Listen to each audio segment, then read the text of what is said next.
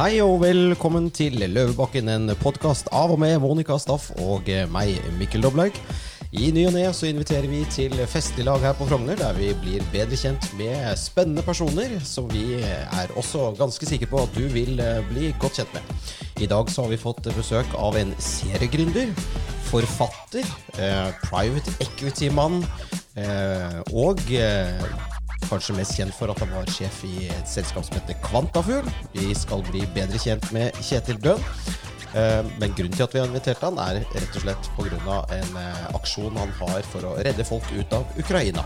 Men før vi går over til Ukraina, Monica, welcome back in the studio. Has it happened anything happily funny since last time we met each other? Ja. Um, jeg sitter jo her og drikker absint. en dyd av nødvendighet i dag, føler jeg. For det er sånn, når du tenker å, Kanskje jeg rett og slett burde, burde ta livet av meg selv. Oi, er vi der? Eh, ja, vi eh, var jo ute i går. Du var også der, men eh, i hvert fall så var det meg og eh, en venn av meg som følte at vi ikke hadde fått nok å drikke, merkelig nok.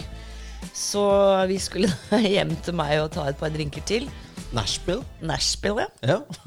Og så hadde jeg bor nede på Tjåmen, Uh, i sånn uh, Sånn blokk vatne-greier. blokk. og så har jeg sånn uh, Yale Doorman, en sånn kode. Ja. Ja. Så jeg Det står uten nøkkel, du går i borrelåssko og har Yale Dorman. Yes. Og så står jeg og prøver å dytte på den der eh, drittlåsen. Eh, og jeg er helt sikker på at jeg slår riktig kode. Helt sikker på at jeg slår riktig kode, og det funker ikke. Du trykker og trykker. Det er ikke lys. Altså jeg bare sånn, jeg tenker, Den er død, hva gjør jeg nå? Ikke sant? Ja. Så jeg ja, for det lyser ikke de knappene heller når du trykker. Nei! Og så jeg ringer, ringer da sønnen min, som har installert den for meg, og skjeller ut han sånn i sånn tolvdraget, så han var jo veldig imponert. Vi forlot det stedet klokken ett, Monica, så det er jo mer halv to-draget. Ah, Ok. Enda verre. For til slutt så går jo døren opp, og der står det en kar og lurer på hva vi driver med. Så vi var i feil etasje. Altså, Du er den mest beryktede naboen på hele Tjuvholmen. Liksom. Du har gått ut av heisen i feil etasje.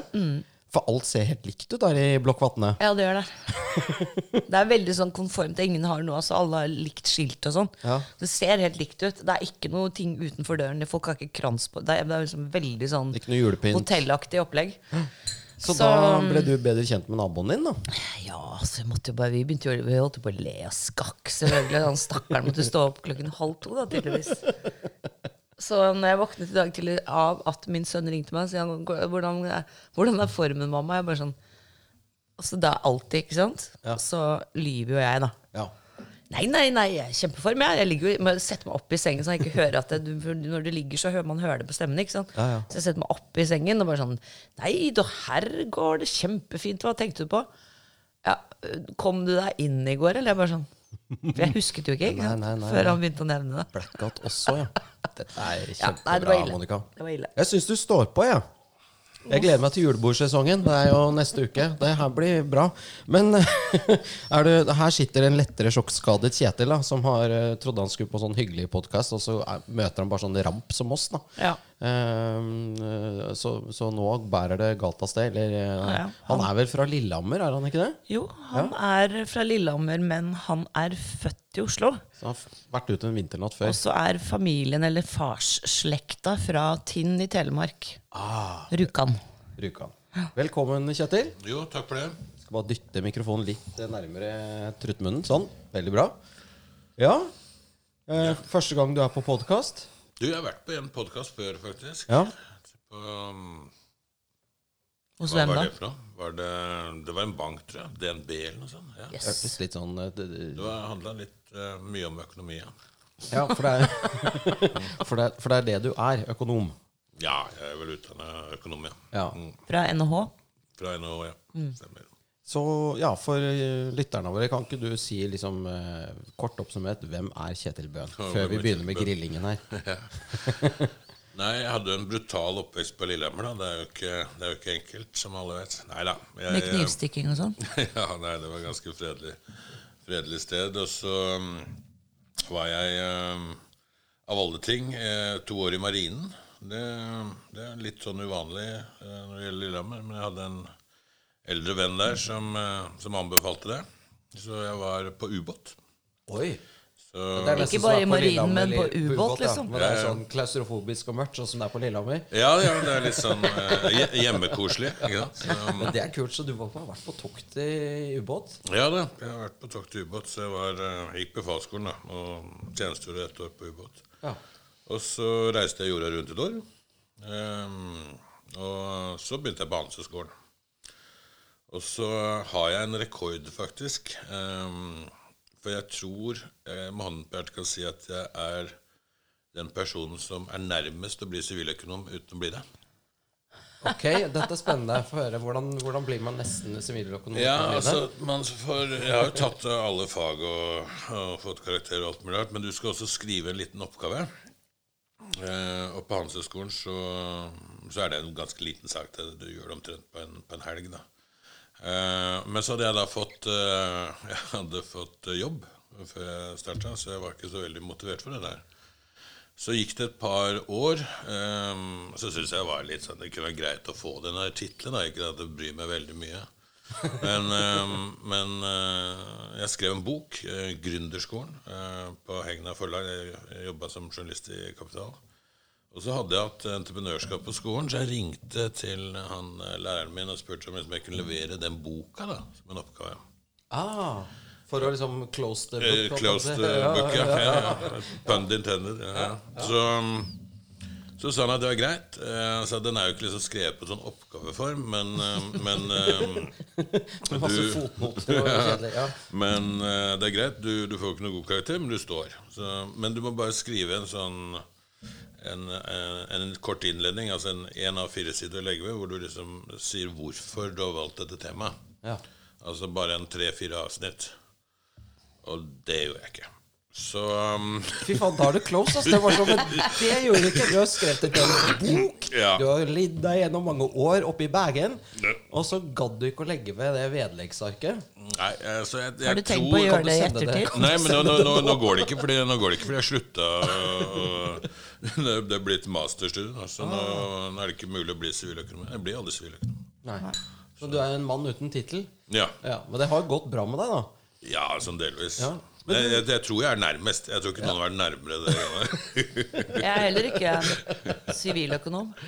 Jeg gikk på Handelshøyskolen i København. Eller nå heter det jo Copenhagen Business School. Da ble vi siviløkonom med C. Se så sivil. Ja, og så måtte vi ta to ekstra fag for liksom å bli godkjent av da NHH, som satt og godkjente utenlandsstudier, hvilket jo i seg selv er ganske morsomt. Mm. Det er bukken som passer havresekken, er det ikke Ja, ja, sånt? selvfølgelig. Så da ble Så, Men du, så du jeg gadd heller ikke å ta de to fagene, for å si det sånn. Det har gått bra med deg også, Monica. Ja, det har gått ja, det har gått bra med oss alle. Men du sa du har vært journalist i, i, i Finansavisen også? Kapital. Nei, Kapital. kapital. Mm. Unnskyld. unnskyld. Det er veldig viktig. Stor forskjell. Veldig Stor stor forskjell. forskjell, Eh, når var du det? Du, jeg var um, Jeg begynte i 96, da. 96 til uh, 2000. Så um, det er vel den eneste uh, jobben jeg har søkt på. Jeg begynte egentlig som journalist uh, på, når jeg var 13 år, på det var sånn utplasseringsuke på Gudbrandsdølen, Lillehammer Tilskuer. tilskuer. Ah, der, er GD i dag. Ja, så, og da um, skrev jeg en sak eller to, og så var de fornøyd med det, så jeg, jeg fortsatte som frilans, da. Skrev om Jeg løp orientering, en, en verdensidrett. Så jeg rapporterte fra det, blant annet. Da. Og andre ting. Og så jobba jeg som journalist. Jeg gikk på Handelshøyskolen og sånn. Og da var det en jeg kjente som hadde fått jobb i Kapital, eh, som ikke hadde vært journalist. Og da tenkte jeg "Fa- fader, hvis han får jobb, må jeg få jobb. Så Hvem var det? Jørgen Kristiansen het han. Ja. En, eh, en eh, medstudent av meg. Så ringte jeg til Helge Mæland, som er redaksjonssjef i Kapital, og sa at du, hvis han får jobb, så må jeg få jobb. Så det var den jobbsøknaden jeg har hatt i mitt liv. For du hadde tross alt erfaring. Ja, det var det jeg mente. Men jeg fikk jobben, da. Så, um, så jeg var- jobba der i fire år. Hvordan var det? Var det, var det mye sånn grevling, grevlingaktivitet? Eh, ligge, og, ligge utenfor eh, konsernkontorer og lytte til dørene og se i søppelkasser og sånne ting? Nei, Eller det var var veldig, veldig lite av det. Så, um, nei, men det var, eh, det var veldig bra, egentlig, det. Altså, jeg må si det, for å være litt seriøs. Det, er, um, det var et veldig kompetent miljø som vi kom inn i. Det var jeg og Jørgen og en eller to til som, som kom inn der. Eh, nye, men mange hadde vært der i 10-15 år. Eh, veldig erfarne, veldig kompetente. Alle var jo økonomer da, på den tida der. Eh, og så må det jo sies at Trygve er jo eh, flink til å Han er by far den beste redaktøren eh, i Nord-Europa. Det er ingen som er i nærheten av han. Men, men han er jo også eh, flink til å organisere ting. Altså, vi var jo eh, elleve journalister. Ikke sant? I, I økonomisk rapport så var det vel fem journalister og sju på administrasjon. Ikke sant? Så alle, alle skrev. Og, ja, men det var, det var jo også forventa at du skulle klare deg sjøl. Så det ble jo bare å hive ut på dypt vann og finne på sjøl hva du skulle skrive om. Så, men det var lærerikt, og det var veldig ok. Ja. Var Odd Harald Hauge der, da? Nei, det var, ja, jeg fikk jo da jobb rett etter at han hadde slutta. Mm. Men du sa noe som jeg vet merker meg at det, var, det er første og siste gang du har søkt en jobb. Du er jo seriegründer. ja, ja. Hvor mange selskaper har du gründet? Det er jo et definisjonsspørsmål, men jeg har vel vært med på oppstarten av en uh, smått og stort av 14-15, kanskje. Ja. Er det Veldig mange går rundt Det er veldig sånn hype i dag da, å gå rundt og være gründer. Og det er liksom Du kan gå på gründerskole og, og så videre og så videre. Det er litt sånn eh, Alle skal være liksom Mark Zuckerberg og gå i trange sånne turtlenecks og, sånne ting. Men er, er det så enkelt, eller er det rett og slett du, no, noe du må ha i blodet litt? At du må være, du må være gründer? Det er ikke noe du kan utdanne deg til? Først så vil jeg ikke uforbeholden anbefale til folk. Det er, eh, det er gal-Mathias, eh, og det er eh, ganske høy risiko. Og um, hvis du ikke er villig Det kommer selvsagt litt an på hva du starter, da. Men eh, jeg har jo prøvd å starte en del sånne Save the World og Conquer the World-bedrifter. Og det, det er mye risiko, og du kommer til å gå på trynet et par ganger. Og det, det må man tåle, rett og slett. Og det, det er ikke for alle, for å være helt ærlig. Um, så, så jeg tror man skal tenke seg veldig godt om uh, før man uh, drar i gang noe sånt. Ja, for Politikere snakker hele tiden om gründer og innovasjon og Norge og den nye oljen og det nye ditt og det. og det er liksom Alle skal løpe rundt og være gründere, da. Ja, men de snakker om det bare. De, ja, de snakker om det. Det er du sover Det er det eneste om de duger til, er jo å å snakke. snakke. I motsetning til de som gjør, da. Ja. Ja. Doers. Hva er det liksom villeste gründerprosjektet du har vært borti? Er det sånn du kan se tilbake Som gjorde skikkelig vondt, da, men som du kan se tilbake på og le litt og bare tenke ok, det var faktisk jævlig fett. Ja, jeg kan, jo- jeg kan jo begynne Jeg skal komme tilbake til Jeg kan begynne litt til andre. Jeg skrev jo da en bok, da, 'Gründerskolen', um, mens, jeg, mens jeg gikk på Hegna forlag. Jeg, jeg, jeg ga ut på egne forlag mens jeg jobba i Kapital. Jeg har vel snakka litt med dem å utgi en oppfølger til det. Når jeg skrev den boka for 22 år siden, så hadde jeg jo ikke gründa noe som helst. Jeg hadde bare hatt litt teori på skolen. Så oppfølger, oppfølgeren skal jo hete 'Unnskyld'. det, det er jeg visste jo ikke en dritt om hva jeg drev med. Eh, så, så Nei, jeg var jo eh, Jeg var jo annet starta opp et uh, selskap innenfor landbruk her for eh, Gud hjelpe meg, det blir um, 13-14 år siden. Jeg hadde noen uh, biologiske produkter for, for landbruk. Og, og uh, de funka som rakkeren, de uh, produktene. Eh, det gjør de for så vidt ennå. Men eh, jeg oppdaga da at landbruk er jo verdens mest konservative bransje. Det var helt eh, umulig å komme gjennom enkeltsteder. Men da, da var vi jo da på veldig mange rare steder, da. Jeg var jo i, midt inne i jungelen på Sumatra. Jeg var jo på Ningxia-provinsen i Kina, som er den minste der, som nesten ingen har hørt om. Hvor det ikke fins noen som snakker engelsk. Det fins ikke ett skilt på engelsk, f.eks. eh, så jeg har vært en del eh, rare, rare steder, spesielt med det selskapet der. da. Midt ut på Ikke så populært lenger i dag, men jeg var midt ut på landsbygda i Russland f.eks. Og, og så på tester av disse produktene da, på, på landbruksarealet. Så jeg har fall, om, det var i hvert fall et selskap som brakte meg til veldig mange rare steder som jeg aldri kommer til å komme tilbake til. Nei. og, men det hyggeligste er jo at du, du nå innser at, eh, at du må lage en bok som heter 'Unnskyld'. Det syns jeg er veldig bra. Ja, I motsetning til eh, Vi følger jo med på Facebooken din. Hadde Du ingen noen, eh, fulgte oppskriften i den første boken min. ja. Jo, men det går litt på den er- erkjennelsen at det er jo først etter at du har gjort ting, at du faktisk kan ut altså, ja, Ja. komme til den erkjennelsen. Da. Uh, så du, ja, forfatter, du har skrevet da Gründerskolen. Er det en, er, har, du, har, du, har du eh, skrevet noe mer? Jeg har skrevet uh, tre bøker til. Ja. Ehm, det er kanskje litt eh, Jeg vil ikke kalle, kalle meg en bauta i norsk litteraturhistorie. Det er nok å dra litt langt. Det er ikke. Knausgård? Du har litt Knausgård-vibben, da. Det er ikke noe sånn stor eh, rød tråd i forfatterskapet mitt heller, for å være helt ærlig. Men ehm, jeg skrev ehm, For en 12-13 år siden så skrev jeg en uh, tristessebok. Um, det er ikke så mange som veit hva er, men en tristesse er jo sånn litt um, slagord med gjerne en sånn dobbeltbetydning, med litt sånn eh, trist eller mørkt budskap, da. Ja. Sånn Wildenvei eller Johan Herman Wessely Ja, men Hvis du ser for deg en tristesse, så ser du liksom litt sånn No happy dårlig ending. belyst rom, og en som sitter og er liksom Hoste bare litt. Blod. Ja. Nei, men det, Hoste Det er litt sånn trist. Ja. Ja, men du har for eksempel sånn eh, Litt trist. from, from the top of my mind eh, Da alt håp var ute, gikk hun inn. Det er eh, en tristesse, for eksempel. Det er, var tristesse, ja. Da alt håp var ute, gikk hun inn. Ja. Hun leste mellom linjene da hun ble truffet av trikken.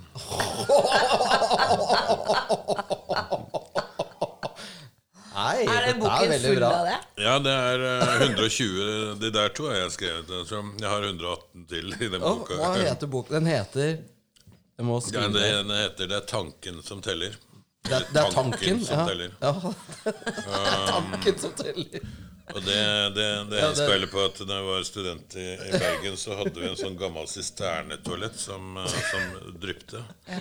Da var det en kamerat med som sa det, ikke tenk på det, det er tanken som teller. Veldig bra. Mm. Er det på Hegna, det også, eller? Nei, den der ga jeg ut sjøl, så mm, jeg har Hva er opplaget? Jeg trykte opp i 1000, men jeg tror, det, jeg tror det er fullt mulig å få tak i Jeg tror jeg har noen ganske mange bokser nede i kjelleren. Hva kunne vi, du, det kunne vi hatt som sånn premier her i Løvebakken. Absolutt. Er ikke det litt Ja. kult, da? Vi, Absolutt, ja. Dette er jo kjempebra. Det Mhm. er tanken som teller. Det merker jeg også når jeg kjører opp og ned til Vinstra nå. Jeg har ikke turt å gå over på elbil ennå. Nei, men det kan du ikke heller. Du som, du som pendler mellom liksom Vinstra, Oslo og Søgne, Søgne Ja. eller hva det heter nedi Ja, der. ja, det blir Da, fort da 70 mil. går ikke jeg med elbil, det, vet du. Nei, nei, nei. Da må du ha ordentlige greier. Ja. Um, men eh, Kjetil, eh, fra Ruthless Businessman, seriegründer, forfatter, så har vi jo invitert deg hit i dag for å snakke om eh, ditt humanitære engasjement. Eh, Ukraina. Uh, hva Heter det De hvite busser, eller heter det bare Bussen? Nei, det, det, organisasjonen heter Hvite busser 2022. Ja, Ja. Fortell litt om det. Ja, du, det var eh, Starten var jo eh, litt tilfeldig, for å si det sånn. Det var eh, en kar som heter Sigve Sandvik, som, som jeg kjenner gjennom jakt, egentlig. Altså, han arrangerer noen jaktturer jeg har vært med på for noen år siden. Og mm, han ringte meg en fredagskveld, mars, tror jeg, hvor han uh, sier at han uh, er veldig opprørt over det som skjer, og gjerne vil bidra. Og han eh, er bussjåfør, men han mangler en buss. Eh, så for å gjøre en lang historie kort, så kjøpte jeg en buss. Um, så det starta der. Um, og så har det ja, utviklet seg, da. Nå har vi to busser. Um, og så er det vel en 150 stykker som, som er tilknytta, da. Som bidrar på ulike, ulike vis. Og vi har jo blitt en, eh, en liten organisasjon, da. Så du har kjøpt inn to busser, og Mm. så er det frivillige som da um, er med og ja, administrerer disse bussene. Ja, altså Vi, eh, vi har nå kjørt 30 turer til, til grensa. Jeg begynner med, og så nå går de til Warszawa. Så på hver buss er det jo da med eh, to til tre sjåfører. Og det er jo, det er jo langt nedover. Eh, og så er vi gjerne med eh, i hvert fall én som kan eh, tolke. Det er ofte at vi får folk om bord hvor det er veldig få som kan engelsk. Så mange ukrainere er, er med selv, altså som ukrainere som har bodd i Norge eller kommet hit siste halvåret, bidrar. Eh, og så har vi med andre som enten da fungerer som administrasjon eh, Dere fint- henter ja, vi henter eh, Det er en, en, sånn norsk-ukrainsk forening som organiserer transport over grensen. Uh, ukrainere som, som uh, organiserer fra Lviv, uh, da først til grensa tidligere, og nå til, til Warszawa. og så setter opp behov for transport til Norge. da. de som ønsker seg eller skal til Norge. Det er jo selvsagt mange som skal andre steder i Europa. Men, men de organiserer det, og så henter vi de og kjører de da til ja, der norske myndigheter mener at de skal være. Mm. Og du har vært med selv òg? Jeg har ikke vært med på bussen. Um, verken så kan jeg tolke eller kjøre buss eller noe annet. Men jeg, jeg har vært nede i prøvd å hjelpe til nede i, i Polen. Mm. Så jeg tok med ungene mine en uke og, og prøvde å bidra der nede på stedet. Mm. Så, um, men det er jo noen som her uh, jeg får kanskje jeg synes jeg får litt ufortjent mye oppmerksomhet på det. Det er liksom bidratt med en buss, det er liksom mitt bidrag. Men det er jo folk her som har tatt seg fri et halvår, omtrent. Mm. Um, vært 12-13-14 turer opp og ned. Så, så det, det, er mange her som har um, stått på voldsomt. Mm. Og det er jo flere også som rett og slett flytta ned til uh, Polen uh, når dette her uh, dro i gang, og, og omtrent har vært der siden for å prøve å hjelpe til. dem på frivillig basis. Det frivillige, altså tenk på det, hvor mange timer med frivillig arbeid som går med, og hva verdien av det er på alle måter. Mm. Ikke bare kroner og øre, men liksom mm. samhold og mm. Ja. Jeg kan jo, hvis jeg får lov, når du nevner kroner og øre, så kan jeg jo si at eh, eh, det er vanskelig å la, ha det gående. Eh, til å begynne med så tror jeg det var en 16-17 eh, busser. Eh, nå tror jeg, så vidt jeg vet, er det bare oss igjen fall, som har kjørt buss på den måten. Nå er det også En del av de andre har på en måte slått seg sammen med oss. da, Fordi det er de andre som hadde lignende insentiver. Og Det skyldes at det er veldig vanskelig å finansiere.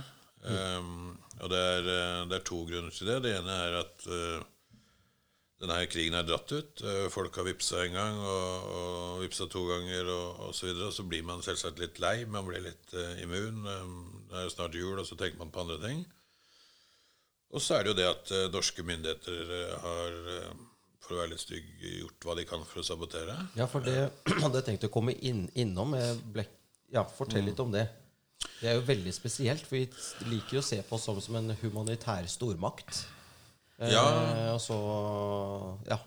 Nei, jeg må si at det opprørte meg litt. Grann, uh, uh, fordi at uh, i det i dette, det dette her starta, eh, så kom det også 120 000 mennesker over grensa hver dag. Det er vel omtrent det samme som bor i Drammen.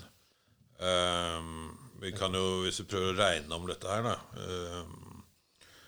um, få et bilde av hvordan dette hadde sett ut. Um, hvis man tar folketall osv. Det er det samme som det kommer 20 000 til, uh, til Svinesund hver dag. 20 000 mennesker.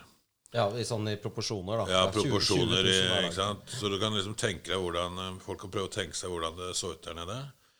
Um, og så gikk jo da norske myndigheter med Støre og Mehl gikk jo ganske kraftig ut og advarte mot frivillige. ikke sant? Og de dro inn uh, menneskesmugling og trafficking og prostitusjon var ikke det var det ikke ene, så var det det andre. Og, og det, det, er jo et kjempeproblem. Mm. Um, vi, vi, har jo sett det sjøl der nede at når det kommer så mange, og de fleste er jo kvinner og, og barn, så, så er, det, er, det, et problem. Det er folk der som ønsker å utnytte de. Mm. Men, men, vi er jo motsatsen til det. Vi vi kommer med en buss med to-tre sjåfører, eh, kvinnelige tolker stort sett, eh, fem-seks stykker i, i, en buss, og tar de vekk derfra. Mm. Eh, så vi er jo egentlig akkurat det motsatte. Og Hvis de bussene ikke kommer der, så er det enda flere som ender på et eller annet horehus i Berlin eller, eller hvor det nå er hen. Mm. Eh, og det at man da går ut på den måten, uh, gjør jo at uh, for det første så man en, kan man få et visst stigma rundt det, men jeg tror de fleste skjønner at, at, eh, det ikke er noe problem i forhold til hvordan vi driver. Men det andre er jo at næringslivet ble veldig redde for å, å sponse det. Ja, for da tenkte de at å nei, vi kan ikke gi penger, for da, ja, da er det de, liksom med på litt sånn shady greier. Ja, ikke sant? det var masse bedrifter som, eh, som ønska å bidra. ikke sant? Eh, Spesielt til å begynne med, og ansatte i ulike bedrifter. Og, sånn. og da står de da mellom skal jeg gi penger til Norsk Folkehjelp eller Røde Kors, eller skal jeg gi til denne gjengen her? Eh, og hvis de gir til Norsk eh, Folkehjelp, så er det jo Uansett hva, hvordan, eh, hva som skjer, så kan ikke de kritiseres, ikke sant? Men hvis de da gir til en forening som oss, eh, samtidig som eh, justisministeren står på TV og, og advarer mot det og, og ber sånne som oss om å slutte, så, så er det en opplevd risiko. Og dermed så endte stort sett alle ned på at vi bare gir til Norsk Folkehjelp, og så lukker vi øya. Men Norsk Folkehjelp og Røde Kors er ikke på grensa. Nei, Det, for det, er, det er ingen av de der. Så, Hvor er de igjen? Nei, de er sikkert De er inne i Ukraina. sitt. eh, og, og, og de gjør sikkert en fantastisk jobb, men, men det, er ingen, eh, det er ingen av de organisasjonene som har vært på grensa. Altså, på grensa så var det vaffelforeninger fra Tyskland og brannmenn fra Portugal og, og syforeninger fra England og, og, og nordmenn eh, som, som ønska å bidra, eh, som organiserte hele greia. Det var, det var ikke myndigheter, det var ingen store organisasjoner. Eh, og hvis ikke de hadde stilt opp, så, så hadde det jo gått skikkelig dårlig. Da hadde det vært mange flere av disse ungene og disse kvinnene som hadde endt på et eller annet sted de, de ikke skulle ha vært. Så, så det syns jeg var litt eh, ufint, rett og slett. Og, og det har gjort det veldig vanskelig å skaffe finansiering. Hva Eh, heter organisasjonen? Hvite busser 2022. Hvite busser 2022. Ja. De kan man vippse til. De kan man vippse til. Så Da skriver du bare 'Hvite busser 2022', eller? ja, vi har jo sånn der Vipps-nummer da, som man ja. kan få. Det Du må jo reklamere litt. Du må reklamere. Ja, ja. Det er viktig. det er viktig. Men, men jeg må si at jeg blir litt sånn satt ut når du sier det, for jeg trodde jo at ved grensen eh, eh, ved Polen så var det Norsk Folkehjelp, Redd Barna, Røde Kors, og de hadde stålkontroll. Og så var det dere som gikk rundt og laget og gikk i veien, på en måte. Altså, Det er det inntrykket jeg har fått. Eh, Jeg vet ikke hvordan jeg har fått det inntrykket, men det virker nesten litt sånn at det kanskje at man ønsker å skape det inntrykket eh, ved at det ikke reisende frivillige, for at dere kommer i veien for de store profesjonelle aktørene som er så veldig gjennomorganiserte. Og så viser det seg at de ikke er der. Nei, de, de er ikke i Polen. Jeg har ikke vært i Polen. Um, du kommer ikke til å dra til Polen. Nei, Send meg en kakeski. så, Takk skal du ha. Vær så god. Takk. eh, nei det, de gjør ikke det. Og det var heller ikke noen myndigheter der. ikke sant? Så, så um, eh, Heller ikke noe særlig polske. Uh, det var liksom politi. Men uh, alt ble stort sett uh, organisert av frivillige. eh, som, som ønska å, å bidra. Det er nesten litt rart at ikke polske myndigheter er der, i hvert fall. Jo, de, de var der jo til dels, men, men du kan, jeg tror folk må prøve å se for seg 120 000 mennesker i døgnet. Det er så mye mennesker. Altså, Altså, det, er, det, er helt, eh, det er helt spinnvilt, ikke sant? Og Hva er Lillehammers befolkning? Er det 40 000? 50 000? nei, det er vel 27 000 eller noe sånt. ikke sant? Ja, ikke sant? Så det er liksom flere Lillehammer Gudskjelov ikke flere enn det. Ja. nei, nei, men eh, bare for å sette i proporsjon. Det er jo en stor norsk by eh, hver dag. Eller to store norske byer hver dag. Ja, det, jeg tror det bor 120 000 i Drammen, så det er omtrent der. Du, øker, du øker befolkningen Du ser for deg 120 000 drammensere, da. Ja, ja. Som skal spise, eh, sove, eh, ha vondt, eh, trenger medisinsk hjelp, eh, er på utslitte, må gå på toalettet. Ikke mye. altså, det er en enorm logistikkoperasjon. Det Det, det, jeg, med må, sånn, jeg må bare si en ting til, og men så skal vi ha en hyggeligere tema etter hvert. Men Mm. det hadde jo vært mye bedre for alle når folk skal til Norge, og flydd fra Krakow? Mm. Eh, opp, enn å sitte i buss. Det, er, det er 200 mil. Du, det er en lang, lang busstur. og man må jo huske på hvor disse folka kommer fra. Vi har, vi har jo tatt med oss folk som har sittet nede i det der eh, stålverket i Mariupol Mariupol, i tre måneder og, og, og blir bomba sønder og sammen. Så det er ganske mye sterke historier, og folk er ganske prega, for å si det mildt. Ehm, men vi spurte jo, var inne og spurte Norwegian og sånn om de kunne tenke seg å bidra. da. Men da hadde de fader hakke meg blitt oppringt av norske myndigheter som eh, advarte de mot å inngå noe samarbeid og bidra. da. Så kan man spekulere i hvorfor, men eh, ja. Det, Min, den konspiratoriske Mikkel tenker jo at eh, Jan Egeland eh, ikke har lyst til å ha konkurranse. Og ringer sin gode venn Jonas. Og så blir de enige om at det humanitærpolitiske komplekset, som er en symbiose mellom stat, stat og non-government organization, som egentlig opptrer som en stat i staten, og som lever veldig godt på skattepengene våre, eh, ikke ønsker å ha hår i suppa. De ønsker ikke å ha Kjetil Bøhn i salaten sin, ikke sant? Det er vel ingen som ønsker egentlig Nei. det. Nei, men det, det er en konspirasjon liksom konspiratoriske vinklingen på det. Men eh, det er så mye penger i, i holdt jeg på å si, tristesser og hjelp. Eh, det er rett og slett mennesker som lever av det, med millionlønninger, og som tar 50% av det du gir. Når du vippser en hundrelapp, Ja, ja. så går 50 kroner til andre ting. Og de ønsker jo ikke å ha Og de konkurranse. der eh, TV-aksjonene, Ja. hvordan de holder på, er så kvalmende. Ja. Så det, det kan være og, det. ikke? Og så gamle damer blir liksom ringer på døren, og de gir jo, ikke sant? Ja, ja. Til dette opplegget her. Ja. Hvor altså kvarteparten kommer frem til dit det skal. Ja. Mens de som da driver helt frivillig arbeid, de blir hår i suppa. Ja, og bli advart mot, da. Men det, Ja. nå slapp jo du å ta den konspirasjonen, og gjorde jeg det Ja. lettere Men det, for det er litt sånn som helt uten Ja, jeg, jeg syns det, jeg syns, jeg syns det er litt, eh, litt eh, trist eh, at, at de går ut på den måten, og så kan man jo spekulere i hvorfor. Men altså, vi eh, Kostnaden ved å få én flyktning til Norge da, eh, gjennom vår organisasjon er ca. 1000 kroner. 1000! Ja, Det er jo helt kroner. fantastisk. Det er jo Og- gratis. Ja. Ja, det, og det, det er da rett og slett mat eh, og, og drivstoff. Det er jo ingen som får noe penger. Det er jo ganske kostnadseffektivt.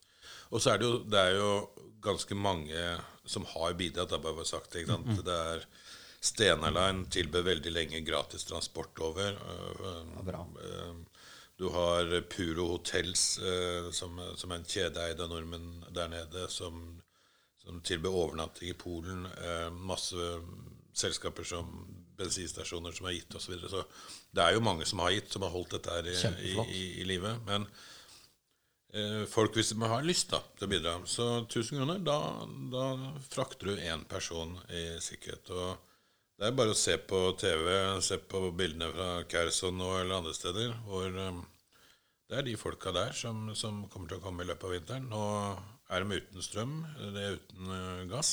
gass, Uten vann. uten vann, og nå er det snart vinter. Det blir minus eh, 20 grader nedi der, og da kommer det til å komme Det kommer jo fremdeles en god del mennesker. Så, Ukraina er jo et stort land, så det er lang vei til grensen også for dem. Ja, absolutt. Det er jo et svært land. Vi har 40 millioner mennesker. Ja, det, er, eh, så, så det, det er jo greit å sette det. Det er En tusenlapp er én person. Da kan man jo gå sammen og spleise om en person, eller man kan jo gå sammen og spleise om flere. Altså Der kan man jo gå sammen grupper. da Si skal vi ta samle 30 000 kroner, så får vi fylt der. Hvor mange er det plass til bussen? 40?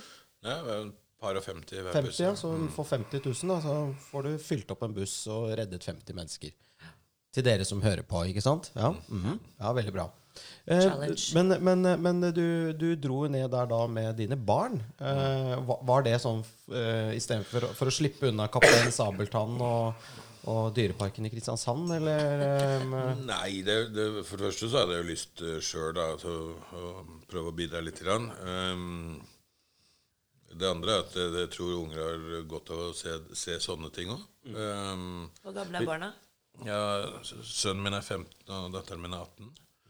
Eh, så um, vi lever i en veldig beskytta verden, ikke sant? Eh, hvor eh, de stort sett kan få hva de peker på, holdt jeg på å si, dessverre. Er, eh, og har det egentlig veldig bra. Så jeg syns det er eh, opp, oppdragelse og opplæring at man ser hvordan eh, andre ting er, da. Så det tror jeg de hadde stor nytte av. Det vil jeg tro. Dannelsesreise. Det er en dannelsesreise å se at ikke alt bare er fryd og gammen. Eh, Ja, for det, det er jo det er så riktig som du sier, at vi er, lever i en veldig beskyttet verden. Og selv om det skjer liksom, fæle ting, da, ikke sant? Eh, drap, voldtekter, så, så blir det bare omtalt. Og det er, nå er det jo veldig diplomatisk alt, ikke sant? selv i pressen. Så du får jo aldri noe de grusomme detaljene. Nei, altså man, jeg føler også at man blir nesten litt sånn avstumpet. For at det er så mye Det er så mye gørr altså Det er så mye dritt. Altså at du blir liksom litt sånn avslepent etter hvert. Litt sånn likegyldig. Det er ganske skummelt. Eh, fra at du er eh, Fra første uken så er du i sjokk og kjempesint, og så etter hvert så er det ja, fem raketter har truffet en by i Ukraina, så er det sånn Å ja, hva er det til middag? Altså, for man blir litt sånn eh, nummen, da, for at det er så jævlig. Ja, og det er jo, det er jo fordi det det. trekker ut i tid. Og ikke sant, som du sier, så vippser man, og så er man liksom veldig sånn i starten veldig opptatt av det. Og nå hadde vi jo vi, han, Hva heter han? Eh, Karlsen? Geir Hågen Karlsen, ja. Ja. Oberst, ja. Mm. oberstløytnant. Han, hans mest hva skal jeg si, liksom, sannsynlige scenario for krigen er at den kommer til å vare lenge.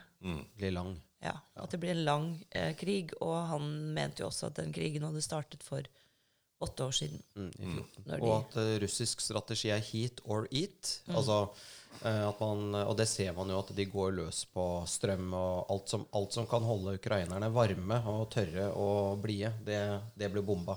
For å skremme, for å få dem til å reise til grensen og, og ja, eller for å få dem til å gjøre opprør mot ledelsen og si at nå Ja, orker vi ikke gi opp, da. Mm. Så er det jo eh, Det har vært en god del kriger siden andre verdenskrig. Men det er jo ingenting som er i nærheten av de greiene her. Altså, det er jo eh, De, de teppebomber, og det er en fullskala eh, bakkekrig hvor, hvor eh, strategien er å, å ødelegge alt på sin vei. Ikke sant? Så eh, en del av disse byene, sånn som Mariupol f.eks., det, det, er jo- det er jo ikke et hus igjen. Og Det er ingen by. Det er bare flatt. ja, så vi hadde jo, hadde jo folk fra dette stålverket. Jeg kan jo fortelle en kanskje litt rørende historie, faktisk. Eh, Jeg har en hytte oppe i Hafjell som, eh, som jeg lånte ut da, en del i sommer. Så de Røde Kors i Drammen har tatt imot en del eh, av disse flyktningene. Og så trengte de å aktiviseres, så, så de lånte den hytta i sommer eh, og var der oppe. Og da var det en kar der som, som eh, hadde sittet nede i stålverket, og som eh, hadde store fysiske problemer. Eh, så nesten ikke Så ut som hun nesten hadde sånn Parkinson. Ristet og sånn. Ja. Var helt eh, sånn granatsjokk, eller hva det for noe. Ja. Og så kom han inn til hun som leder, leder der da, tidlig en morgen, og så ropte han I can see the man, I can see the man. og da var det denne fakkelmannen. Ja. Så da hadde han liksom fått uh, pusta igjen, så alle disse muskelkrampene hadde sluppet, så han hadde liksom fått syn igjen. Ehm, det sier jo litt om hvor prega du er når du, når du er såpass anspent at du mister eh, helt eller delvis synet ditt. Så, um, så det er ganske voldsomt. Vi har jo hatt turer hvor eh, det er, det er jo stort sett kvinner og barn, da, ikke sant? Eh, og, og eldre.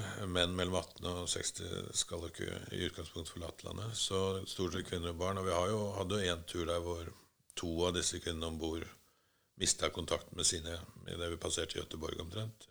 For da hadde de blitt bomba, da.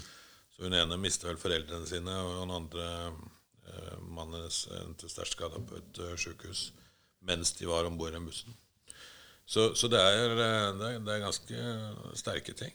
Um, og um, jeg håper at vi greier å holde det gående, og jeg håper at uh, folk uh, ser nytten av det og kanskje har lyst til å bidra hvis de har muligheten. Hva motiverer deg til dette? Du begynte jo med en telefon, og at du kjøpte en buss, men du har jo blitt dratt litt lenger inn i det enn en, en bare det. Nei, det, hva skal man si? Det, det er jo fordi at øh, øh, det er en helt absurd øh, situasjon, syns jeg. At øh, plutselig så har vi en sånn type krig igjen på europeisk jord. Det, det tror jeg de færreste oss øh, hadde sett for oss at var mulig. Eh, og så tror jeg det er vanskelig, som du sier, å fatte egentlig hvordan det er. Men, men øh, når man ser på disse her bildene, så, så ser du at det er eh, helvete og to på jord. Ikke sant? Um, eh, og, eh, og så kommer det da veldig veldig mange mennesker som flykter ut av dette. her. Eh, 200 mil fra oss. Eh, det er mange som sier hvorfor, hvorfor bryr du deg ikke en krig i Afrika eller i Midtøsten eller i Asia eller et eller annet. Jo, jeg tror, jeg tror folk bryr seg om det òg, men det er bare at eh, her kan vi faktisk sende en buss. da. Og Det er vanskelig å sende en buss til Afghanistan, men her, her kan vi faktisk gjøre noe. Um, og det er relativt nærme oss, så, så det er rett og slett uh, maktesløsheten som gjør at man prøver å bidra litt, da. Sant? I, i, å føle at man i hvert fall gjør noe.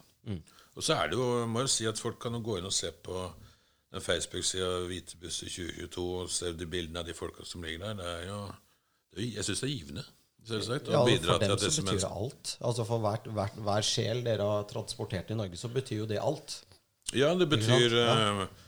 Det betyr veldig mye for dem, og, og mm, kanskje mer enn vi tror. Da jeg hadde bursdag i sommer, så dukka det plutselig opp eh, 40 stykker eh, fra et mottak ute i Drammen som, som jeg jo aldri har møtt, men som, som mente at de hadde, hadde vært takknemlige i forhold til hva de hadde at de hadde fått komme til Norge. Um, men Så det er for dem så, så betyr det jo enormt, selvsagt. Vi kan, prøve å tenke seg sjøl. Eh, og, og sitte i en sånn der bunker i tre måneder mens, eh, mens alt blir eh, bomba sønder og sammen. Og så flykter du, og de kommer jo eh, over grensa med en eh, Rema 1000-pose. Ja, ikke sant? Med noen sokker og noe småtteri oppi. ja, ja, og i hvert fall til å begynne med så, så kunne du ikke kjøre over. De, de gikk over, så det kom jo gamle kvinner og menn der på åtte-ni år som hadde gått i sju timer for å komme over grensa, og kom eh, gående med en, eh, en plastikkpose med, med noe plagg i. Det var jo det de hadde. Men når de kommer til Norge, jeg vet det er et sånn mottakssenter i Rådet, f.eks. Sånn stort sånn kvern hvor disse menneskene blir tatt imot. Hva, hva skjer med de når de kommer til Norge, og hvordan og når de da kommer igjennom der og skal ut i samfunnet, eller eh, hva er det? Ja, hva skjer når Ja. bussen kommer? Ja, altså Som regel så vil du jo myndighetene ha det til råde, da, i dette senteret. Det, jeg syns jo at eh, det senteret i seg sjøl er eh, noe vi kunne ha gjort ganske mye bedre. Det ser ut som et fengsel med sånn her, eh, 24-mannstelt uh, inni en, en lagerhall. Um, jeg syns egentlig ikke det er noe verdig oss. Men det er noe der de kommer, og så Det blir er gammel smartklubb. Smartklubb bare i de lokalene. Stemmer det? så, så Men de blir, kommer dit, og så blir du plassert ut da, ikke sant, i, i kommuner.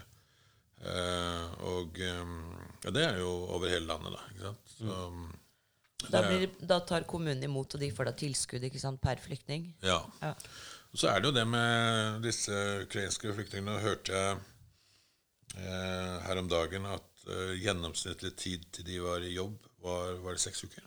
Oi, det er jo veldig bra. Uh, Så de som kommer her, de uh, vil jo ikke sitte på et eller annet sånt mottak. De vil jo komme i arbeid og gjøre noe og lære seg norsk så fort som mulig.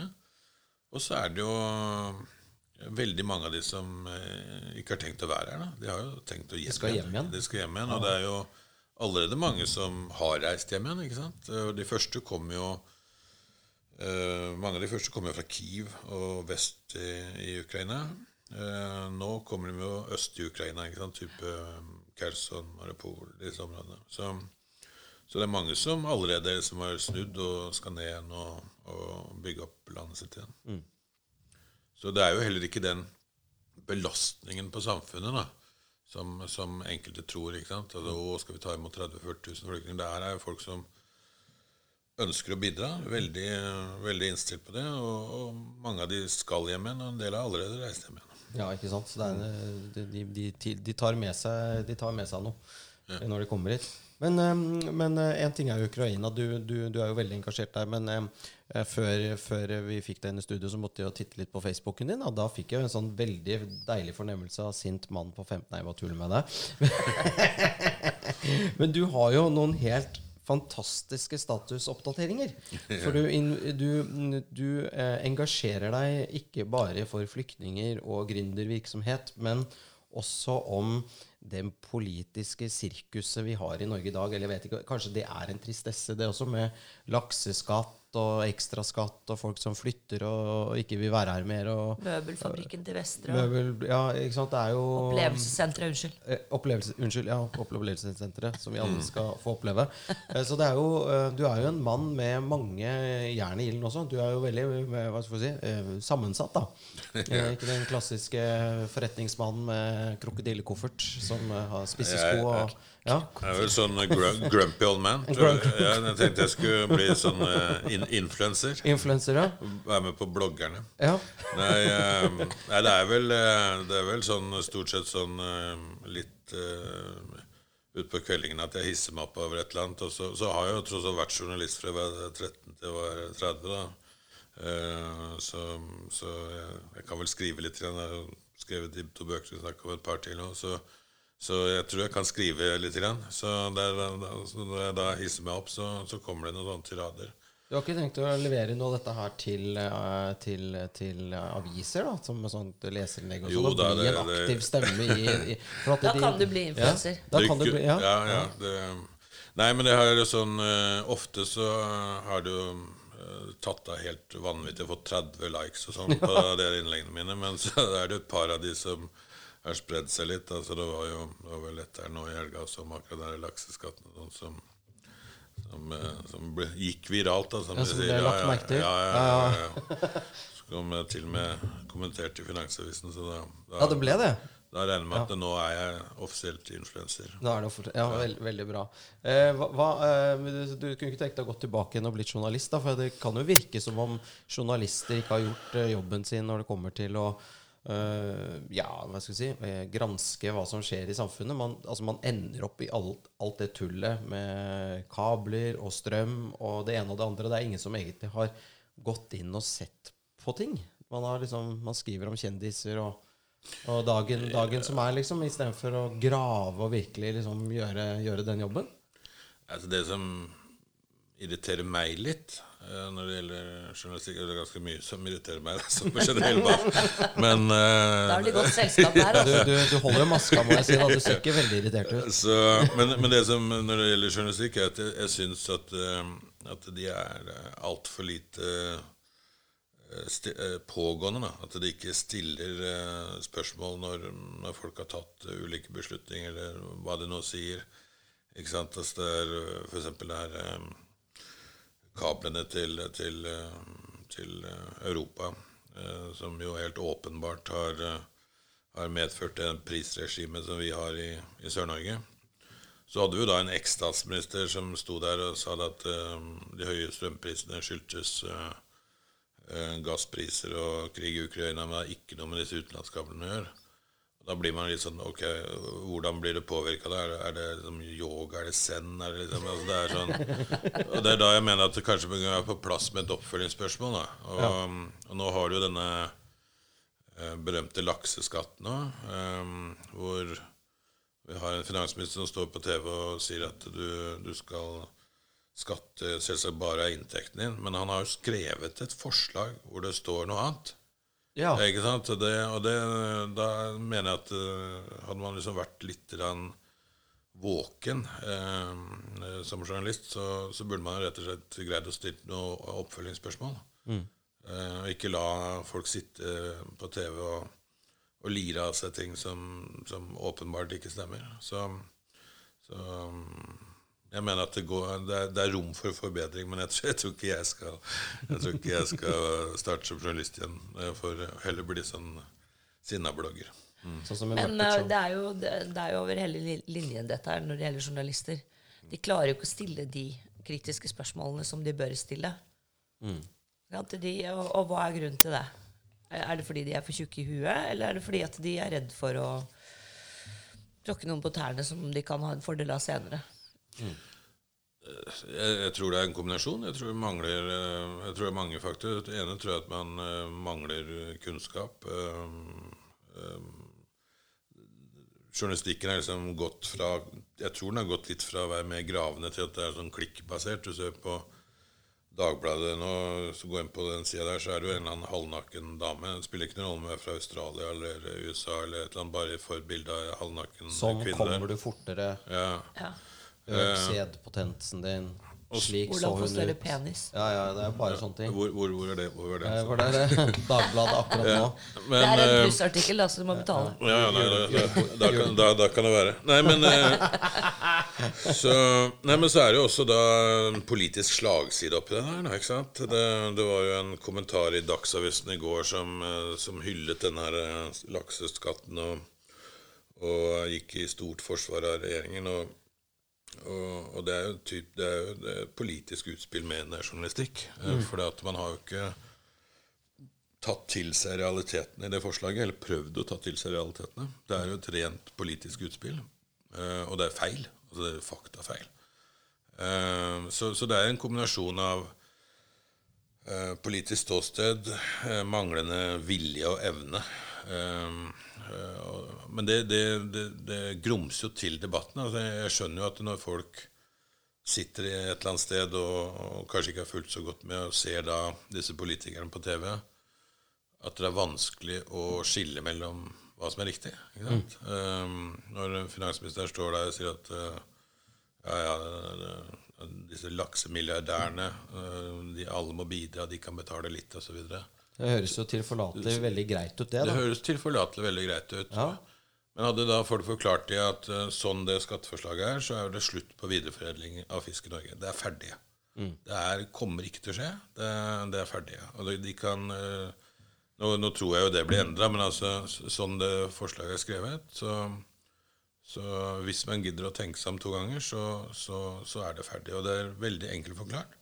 Slik at eh, alle som videreforedler laks i Norge, skal levere til eh, Rema 1000 eller Norgesgruppen eller nedover i Europa, og de forlanger tolv måneders avtaler. Ja, du selger Future, eller liksom på frem... Ja, ja, du, du, altså, du, inngår en uh, Carrefour, ikke sant? Ja, ja. Du skal levere til Carrefour eh, bearbeida laks. Og du, du, inngår en avtale for et år. Mm. Du skal levere så og så mye. På fastprisavtale. Sånn, fastprisavtale. Ja. Du leverer ikke spot til Carrefour. ikke sant? Du, du, du, inngår en kontrakt, og du skal levere 100 tonn sånn og sånn på den prisen i 2023. Så har du da fått et skatteforslag hvor vi tar utgangspunkt i en såkalt normpris, samme som i oljesektoren. Eh, og det vil jo si at Hvis du selger under den prisen altså La oss si at den spotprisen er 90 kroner neste år, og du har inngått en avtale på 80, så må du skatte av et høyere inntekt enn du har. Ja, du selger for 80, men du må skatte for 90. Ja. ja det høres jo veldig, veldig greit ut. La, la oss si at du, la oss si at kostnaden er 60, og inntekten per laks er 90. da. Ja. Og så selger du, du har et overskudd Hvis du selger til 90 og så har du og så så mye, så har du et overskudd på 100. Ikke sant? Men hvis du inngår en fastprisavtale på 75, så blir overskuddet ditt 50. Enig? Men med det skatteforslaget så må du skatte av 90. Og, og, og reell skatt nå med formuesskatt og utbytteskatt er ca. 90 mm. Så du skal altså betale 90 millioner av et overskudd på 50, og det er det ingen som gjør. Derfor Derfor begynner dette her å gå dårlig? Derfor er det ikke en eneste kontrakt inngått med, med videreforedlingsindustrien. Derfor blir folk permittert. Derfor mister de jobben. Så hvis det forslaget står seg det, det, Jeg tror ikke det er så gærent, men, men, hvis det står seg sånn som det er skrevet, så, så er det lagt ned hele, hele, hele videreforedlingsindustrien er ferdig. Da kommer vi til å ta laks og transportere til Europa, og så får de eh, bearbeidet der nede. Ja. Og det er, Jeg blir opprørt fordi at det er mange mange tusen mennesker som nå har fått en oppsigelse i posten, eller en permitteringsvarsel, som skjønner dette her, og som veit at uh, fra 1.1. så går jeg ned på to tredjedels inntekt, og hvis det forslaget står seg, så får jeg ikke jobben tilbake. Det er ganske sjukt. Altså det er sånn, eh, det er litt slitt ja, ja, det, er, det er vanlige folks tur til å miste jobben. Er, altså jeg syns denne regjeringen her Eh, jeg er flau. Jeg er jo Senterpartimedlem. Jeg, det, det, er jo helt kri... Jeg, jeg, jeg, selv er i utgangspunktet idiotisk. Nei, men altså, Man bare orker ikke altså, forholde seg til det. Dette her er bare, bare tull. Uh, dette er jeg, blir, altså, Det jeg er redd for, er at vi har nå tre år med dette dukkestuegreiene her. Og på tre år så kan politikere gjøre ubotelig skade. da Eh, alle de som reiser, kommer ikke tilbake igjen, selv om Erna kommer tilbake og kanskje tar ned skatten 1 det, det som alltid har vært en trøst, da, eh, når vi har hatt Kristin Halvorsen for eksempel, som finansminister, er jo at departementet sitter der med sin, sin kompetanse og, og, og, holder disse folkene i øra. Men her er det jo Finansdepartementet som har gjort altså, jobben med å eh, legge frem dette forslaget. Ja, på oppdrag de, av finansministeren, riktignok, men altså, de kan jo ikke vite hva de driver med. Ikke, dette er ikke gjennomtenkt. Nei, det, og, og, jeg syns ikke dette er så fryktelig vanskelig å forstå. Um, og så eh, sa jo Finansdepartementet sjøl at dette her var jo ikke veldig godt bearbeida. Det var jo et hasteforslag. Og så, så, vil noen da hevde at ja, men liksom, denne bransjen her de, de, greier, de burde greie å ordne seg osv. De, de kan plassere og, og, og, ordne seg imellom. Men det er ikke så enkelt. Altså, det, er, det, er, ikke samme bedriftene alltid. Du har regnskapsregler osv. Så, videre, så man har rett og slett tatt utgangspunkt i det regimet som er i oljesektoren. Mm. Eh, og det funker der, for olje er et ganske uniformt produkt. Det er ikke så fryktelig mye bearbeiding du skal drive med. Mm. uh, men laks er noe annet. Mm. Uh, og, og, og, der har man gjort et hastverksarbeid. Og det som jeg syns er så trist, da, det var det som utgangspunktet er Nummer én at ikke journalistene stopper opp, at de lar han stå der og med dette, unnskyld uttrykket, våse. Nå, nå, nå, kommer, ja, ja, mora mi til å bli sint på meg. Jeg har, mora mi er, er, er norsklærer, så hver gang jeg bruker sånne ord, så får jeg kjeft. Men eh, eh, at det, ikke de eh, som stiller noen kontrollspørsmål. Eh, og det andre er at jeg tror jo nå at de har oppfatta at dette var litt dumt. At, eh, at, man ikke kan gå ut og si vet du, 'sorry, vi skal gjøre det om'. Mm. Ikke sant? Altså, at man må drive på sånn i ukevis. Eh, før det, før det, kommer en endring. At ingen kan innrømme at de har gjort en feil. Liksom. Ja, og så klarer de også å fremstille det at folk blir permittert som liksom en slags At uh, disse laksebaronene prøver å true regjeringen ja, ja. med å liksom, liksom permittere folk. Mm. At dette er liksom bare spill for galleriet. Og det syns jeg også er helt hårreisende at ingen liksom tar til motmæle mot. Mm. Ja, laksenæringen gjør jo det, selvsagt, men, men um, da får du den derre um, milliardærene greiene, ikke sant? De har blitt et skjellsår her, her, i Norge. Så ja. Nei, De flytter vel alle sammen, men er ikke det Til bra, Lugano. da? Eh, sånn For hver milliardær som flytter, det er jo egentlig veldig bra, for da blir forskjellene i det norske samfunnet mindre. Så egentlig, hvis liksom alle med mer enn 750 000 i årslønn flytter. Ja, og, og 100 millioner på bok, da. Da, ja.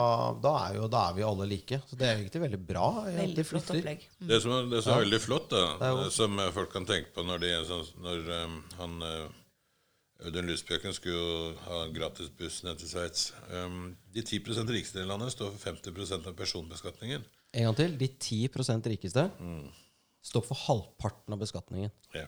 Så når de stikker Så må vi andre betale dobbelt så mye. Så så vi kan jo Jeg syns det er veldig lurt å sette opp noen gratis busser nedover. Det, det, gav, det, gagner nok samfunnet. Lugano-ekspressen. Ja, ja. Skal du flytte til Sveits, eller? Nei. Jeg, jeg, er ikke rik nok, dessverre. Så. Nei, det er ikke vi heller. Ikke vi, heller vi, er litt sure for det. Vi er litt sure, ja.